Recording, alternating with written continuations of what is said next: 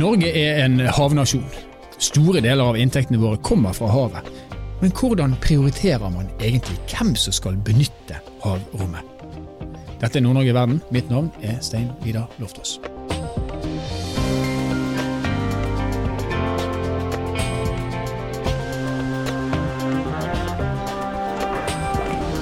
Fiskeriminister, godt folk. Det er eh, et helt perfekt sted å overlevere rapport nummer to i en serie av tre rapporter om sameksistens og bærekraft i det blå. I september fikk eh, fiskeriministeren overlevert rapport nummer to om sameksistens og bærekraft i det blå. Om litt så skal vi snakke med Jan Gunnar Winther, som er sjef i Senter for hav og arktisk, men aller først så skal vi få møte vår fiskeriminister Odd Emil Ingebrigtsen. Velkommen til oss, Odd Emil. Takk skal du ha. Hvis jeg starter med å spørre deg om eh, når det gjelder forvaltningen av havrommet. altså Vi har havbruk, vi har tradisjonelt fiske, vi har olje og gass, vi har turisme, vi har logistikk. Hvor flink er vi til å sameksistere, eller til å, å, å dele dette her mellom oss? Vi er ganske flinke, egentlig, men det har vært noen konflikter f.eks. For forbundet med seismikkskyting og eksisterende fiskeri.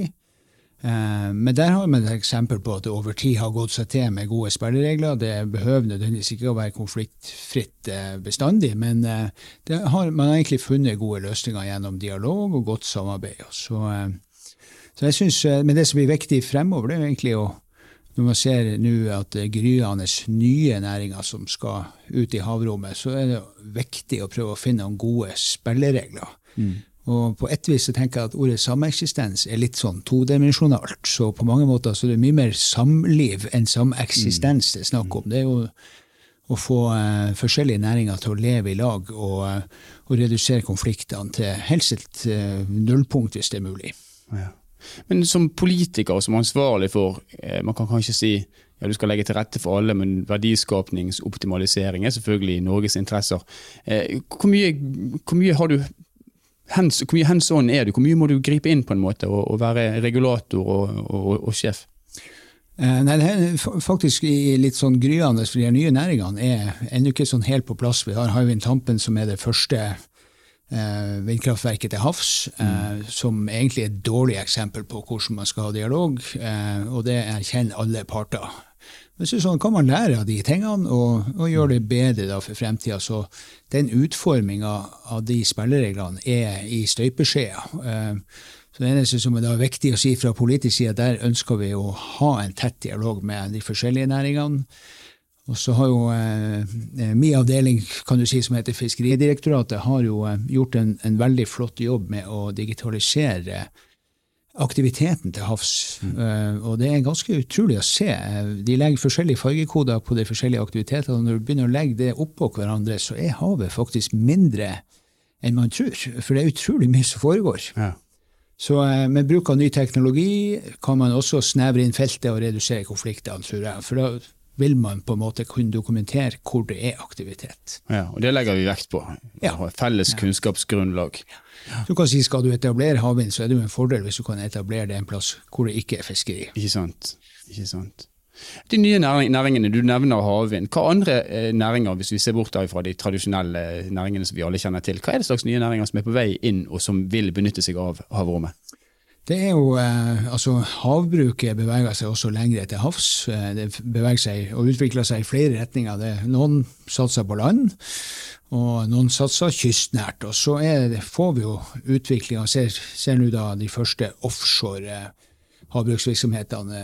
Nordlaks og SalMar har jo to prosjekter, og det er flere på gang. Og da, du, da, får du kanskje konfliktlinjer mellom områder som er regulert til f.eks. olje, mm. kontra at det er en lokalitet som er egnet til havbruk eh, lengre til havs. Da. Og eh, Fordelen med å få havbruket også ute til havs, er jo at du slipper unna en del av de her miljøutfordringene. altså Det er ikke lus, det er sterkere havstrømmer, kanskje du får mer produksjon. Og så er det store bildet jo at verden trenger jo veldig mye mat fremover. Ja. og eh, vi ønsker jo gjerne å være den som kan eh, eh, servere Europa og andre land i verden en kjempesunn og proteinrik eh, norsk fisk, enten det er oppdrettslaks eller torsk f.eks.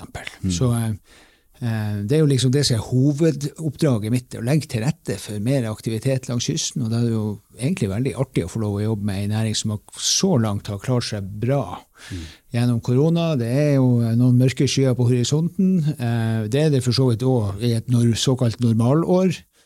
Men det er, det folk langs kysten er veldig handlekraftige. De er vant til å hive seg i båten når eh, sildestimen står der. og og det får man egentlig litt god nytte av i en sånn krisesituasjon som nå, da.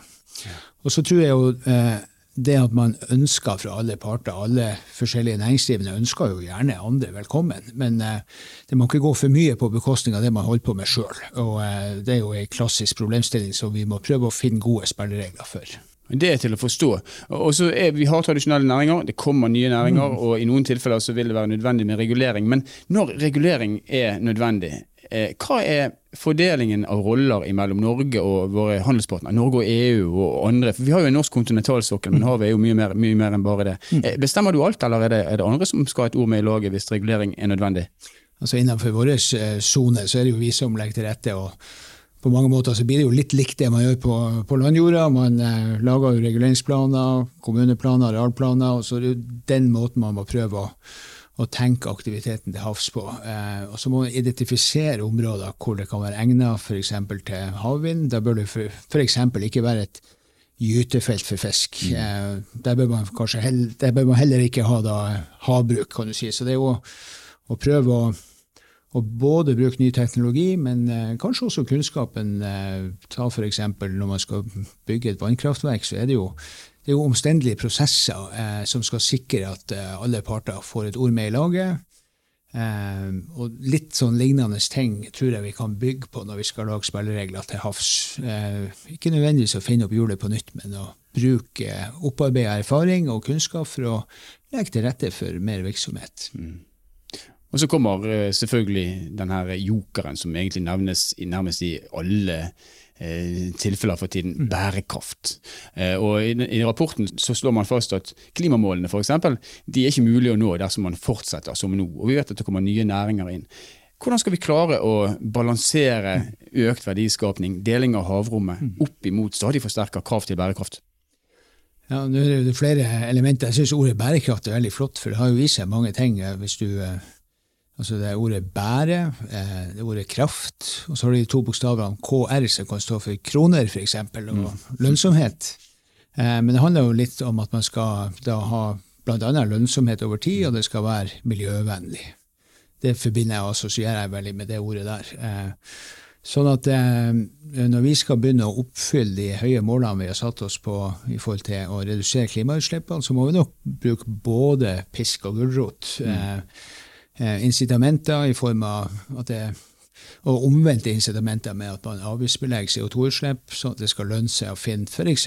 nye energiformer på, på fartøy. Mm. Så ser vi allerede i gang med brønnbåtnæringa, f.eks., som er på mitt område. er jo Eh, der er Norge ledende i verden. Og, uh, det er brønnbåter som bruker alternative Ja, det er jo kommet de første hybridskipene der, og, og, stadig ny utvikling. Og det går jo også på at ja, tar du ei elferge, så er det klart driftskostnadene er jo noe helt annet eh, enn å, å, kjøre den på diesel. Og så jo, må man jo regne hjem med investeringene, da. Men det, det, kommer nok til å bli en del eh, sånn litt tøffe tak når man skal oppfylle klimamålene fremover. Men jeg tror eh, gjelder, hvis vi tar tilbake til sjømat og fisk, så er jo det De fortjener jo en mye større plass, eh, egentlig. For det er jo ikke bare er det veldig sunt, men det er veldig klimavennlig. Ja.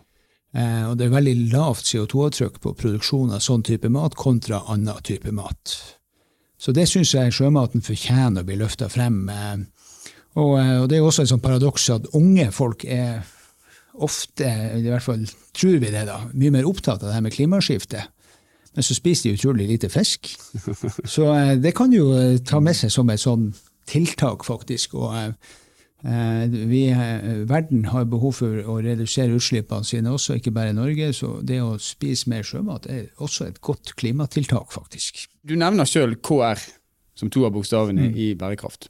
Og vi vet at uh, i, for Nord-Norge, for vår landsdel, så er sjømatnæringen uh, kjempeviktig. Uh, høyt verdiskapningspotensial. mens olje og gass f.eks. er mindre viktig. Mm. Ser du på Norge som en nasjon, så er olje og gass mm. betydelig mye større enn en, en sjømat. Når dere skal regulere og si at uh, her skal være plass til alle de tradisjonelle næringene pluss alle de nye, hvor viktig er da den potensielle verdiskapningen i den vurderingen? Uh, ja, altså det, det, er vel ikke noe sånn direkte del av, av vurderinga, men kan si Generelt så ønsker man jo egentlig tverrpolitisk så ønsker man jo flere arbeidsplasser. Mm. og så tror jeg jo det er mange eksempler på at hvis man politisk går inn og sier at det skal være sånn eller sånn næring, det er jo mange eksempler på at det ikke har vært så lurt. Jeg har veldig tro på at hvis, er, hvis, du tenker veldig enkelt, hvis folk har lyst til å investere sine egne penger i noe, så er det et tegn på at det er noen som ser noen muligheter. Så da er hovedoppgaven for politikken er å legge til rette for de folkene der. Mm. Da kan du ta en omvei til poenget for noe annet som er brent for, og det er jo at vi, vi må slutte å diskriminere norsk eierskap. Det, kanskje det er litt på sida av det med, med, eh, arealbruk til havs, men det har veldig mye med verdiskaping å gjøre. fordi at eh, i denne situasjonen vi er i nå, så er den offentlige andelen av BNP blitt veldig høy. og i en kort periode så er det nødvendig for å dempe skadevirkningene og, og pøse inn eh, ekstraordinære midler fra det offentlige, men over tid så er det ikke bærekraftig Eh, for eh, de neste generasjonene at vi har 65% andel av BNP. Og Derfor er det så viktig å skape arbeidsplasser i privat sektor. Mm. Og Derfor er det så viktig å ikke diskriminere norsk eierskap med ekstra skattebelastning. Veldig kjedelig kalt formuesskatt på arbeidende kapital, som rammer våre familiebedrifter primært. Mm. Eh, så de midlene eh, kan frigjøre store investeringer eh, ved at de kan beholdes i bedriften og ikke må betales inn til stat og kommune i, skatt. Så akkurat der er et av de viktigste tiltakene for å få løs investeringer hos private folk som ønsker å utvikle bedriften sin videre. Så private initiativ til verdiskapning i havrommet, det applauderer du? Ja. Egentlig så applauderer jeg generelt alle som har lyst til å sette i gang med noe. Jeg har jo vokst opp i familiebedrift sjøl. Og selvfølgelig litt prega av det, da, men, eh, men, eh, det er lett å undervurdere hvor viktig det er. Det er veldig lett å ta for gitt at vi har det godt i Norge i dag. Veldig lett å ta det for gitt at vi har arbeidsplasser sånn og sånn. Det er ingenting som kommer av seg sjøl. Det ligger veldig mye hardt arbeid bak. Eh, en del av de virksomhetene som i dag gjør det bra. Havbruksnæringa har vært gjennom store opp- og nedturer sammen på fiskerisida. For 25 år siden var fiskerinæringa norsk fiskerinæring, Da hadde vi fiskerioppgjør. Da var de subsidiert av staten. Det er nesten ingen som husker i dag. Eh, men eh, nå skal altså fiskerinæringa betale inn en slags type ressursskatt til storsamfunnet på 100 millioner eh, kroner i året. Og du merker jo at det er en helt annen stolthet. Det blir mer status å være fisker. For første gang i historien er det kø for å komme inn på fiske- og fangstlinja på videregående og akvakultur. Mm. Så ungdommen ser noen muligheter der som er, er veldig oppløftende. Og det er jo i Nord-Norge er, det jo spesielt fisken, så det er krafta og mineralene som er våre store ressurser. Det handler om å få skapt litt mer verdier ut av det. Eh, at vi ikke bare ender ut med å eksportere krafta sånn som hun er. Omgjøre arbeidsplasser her. Det samme med fisken, og det samme med mineralene. Jeg har lyst helt til slutt å spørre deg, for den, denne rapporten her, den vet jeg du har lest fra perm til perm, og du leser den selvfølgelig eh, fordi du er interessert, men også fordi at du har et, et særskilt ansvar for det som skjer på havet. Hva, hva er det du eh, umiddelbart kommer til å ta tak i av det som eh, denne rapporten her eh, har av funn? Eh, vi er faktisk allerede i gang med å, å jobbe og kna på det som skal være spilleregler. Og så har, jo, eh, har vi ennå ikke fått den tredje og mest eh, spennende delen av rapporten, hvor de da har lova de skal komme opp med noen gode løsninger. Mm. For det er klart det, det er konflikter til havs. Det er også konflikter til lands med forskjellige næringer. Så det, det, som er det viktigste med rapporten, er at man setter inn problemstillinga på dagsordenen og får oppmerksomhet rundt det. sånn at eh, Det er jo ofte sånn at det man gir fokus, det gir man også kraft. og Det er viktig å få, å få utforma gode spilleregler for hvordan det her skal foregå. Se litt rundt neste sving. altså. Enten det er havbunnsmineraler, eller det er havvind eller offshore oppdrett. Eh, og så har du de eksisterende fiskeriene, som også er kjempeviktige. Og så er det helt sikkert noen næringer vi ikke har tenkt på, som blir å dukke opp underveis. Ja. Så, eh, så, lenge man har fokus på det der, så har jeg, jeg har alltid tro på at det ender godt. sånn at det, også i dette tilfellet. Felles kunnskapsgrunnlag danner et ja. godt grunnlag for felles løsninger. Og det, og det, kan du si, Kunnskap er jo bunnplanken i eh, altså Vi bruker jo enorme ressurser på marin forskning, har økt de bevilgningene veldig mye de siste årene. Nofima her i Tromsø for eksempel, gjør en flott jobb og gjør seg relevant for bedrifter og næringsliv innenfor det marine. Havforskninga eh, gjør det samme i forhold til viktige grunnlagsdata for beslutninger om hvor mye fisk eksempel vi bør fiske. Mm. Og Sånn sett så bidrar jo kunnskapen til at eh, fiskeriene kan bli evig fornybar næring. og Det er landets nest største eksportnæring i dag. Og om noen år så tror jeg det er landets største. For det er et potensial for å eksportere, både å produsere mer fisk, fiske mer fisk, og så selge mer fisk. Så da er det siste poenget mitt at det, da kan vi i, på politisk side med god hjelp av et dyktig embetsverk eh, forhandle frem gode avtaler om markedsadgang. Så ett sånn viktig punkt til slutt er at EØS-avtalen er vår viktigste avtale for å sikre markedsadgang til Europa. og Den må vi ikke så usikkerhet om. Tusen takk for at du kunne være med oss, fiskeriminister Odd Emil Ingebrigtsen. Takk.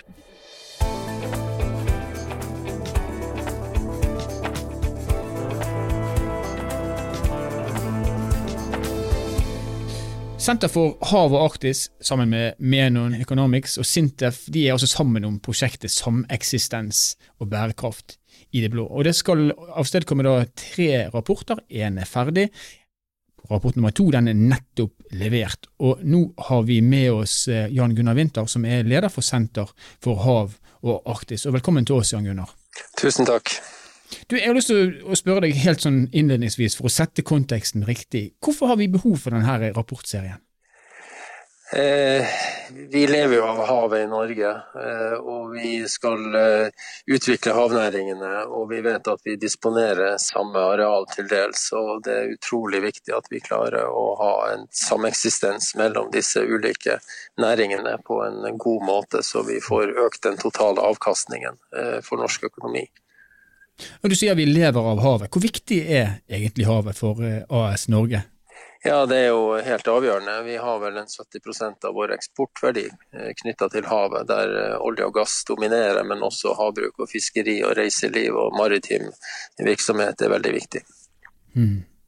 Og Nå er altså rapport nummer to av en rapportserie på tre klar. Og hvis, skal, hvis jeg spør deg om hva er de viktigste funnene, eller det, det, som er viktigst å løfte frem i denne, denne del to av rapportserien, hva vil du svare da?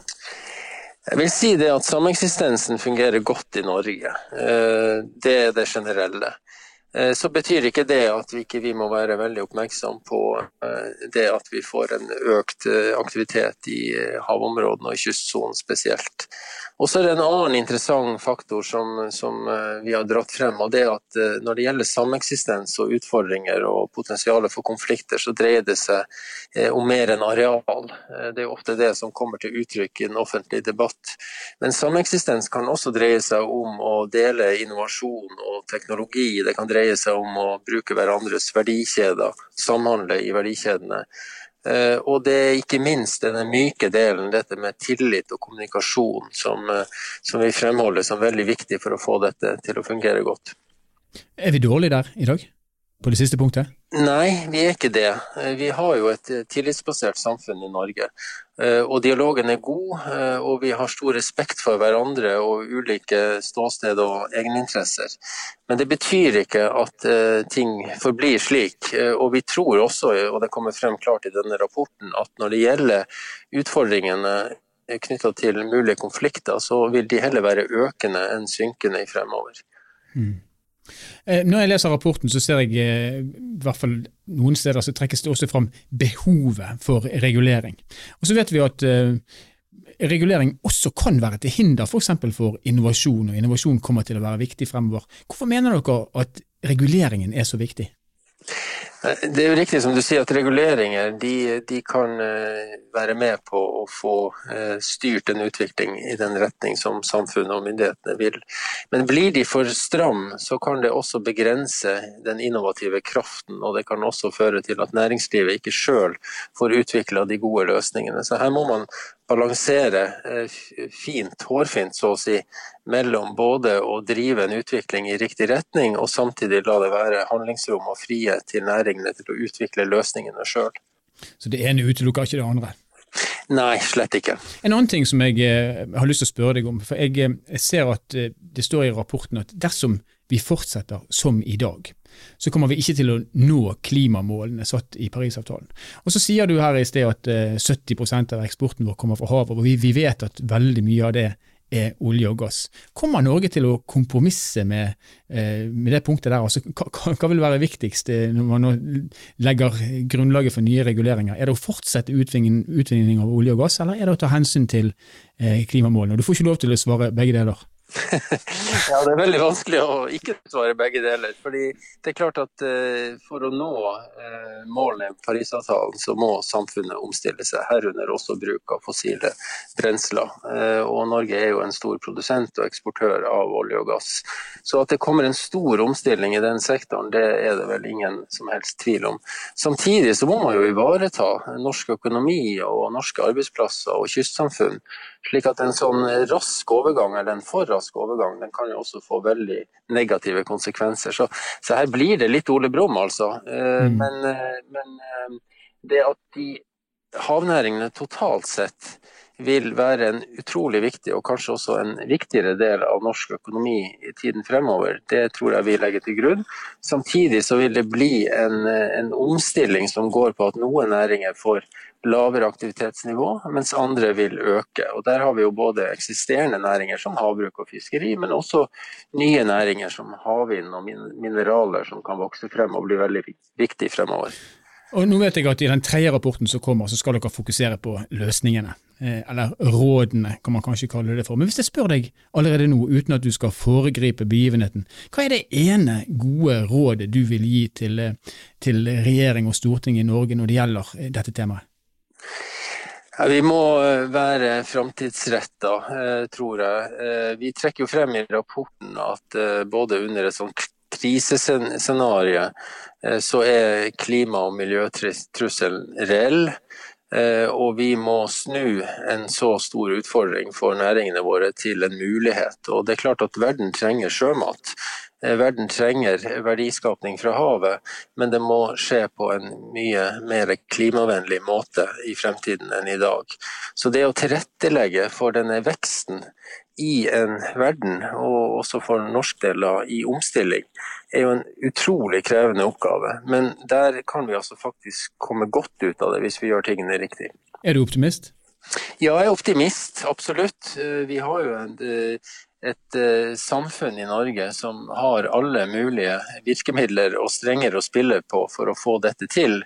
Uh, og som sagt, hvis man tar et sånt helikopterblikk på det hele, så, så vil jo verden trenge ressurser som Norge har.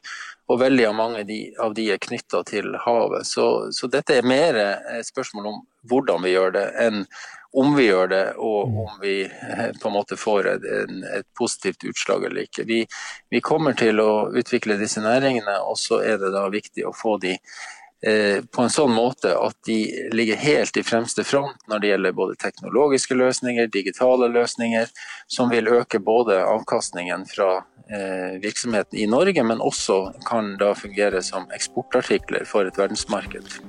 Tusen takk for at du kunne være med oss, Jan Gunnar vinter. 70% av det som Norge eksporterer, skapes altså i havrommet. En rekke næringer eh, bruker og har brukt havrommet, og en rekke nye næringer vil komme til. Så sameksistens, eller samhandling, eller samliv, eller samarbeid, kall det hva du vil, er viktig. Det kommer til å bli enda viktigere i fremtiden. Verdiskapingspotensialet i havet er skyhøyt. Nord-Norge Verden er en podkastserie som er laget av Sparebank1 Nord-Norge i samarbeid med Helt Digital. Musikken du har hørt er laget av Emil Karlsen, mens mitt navn er Stein Vidar Loftaas. Vi høres igjen i neste episode.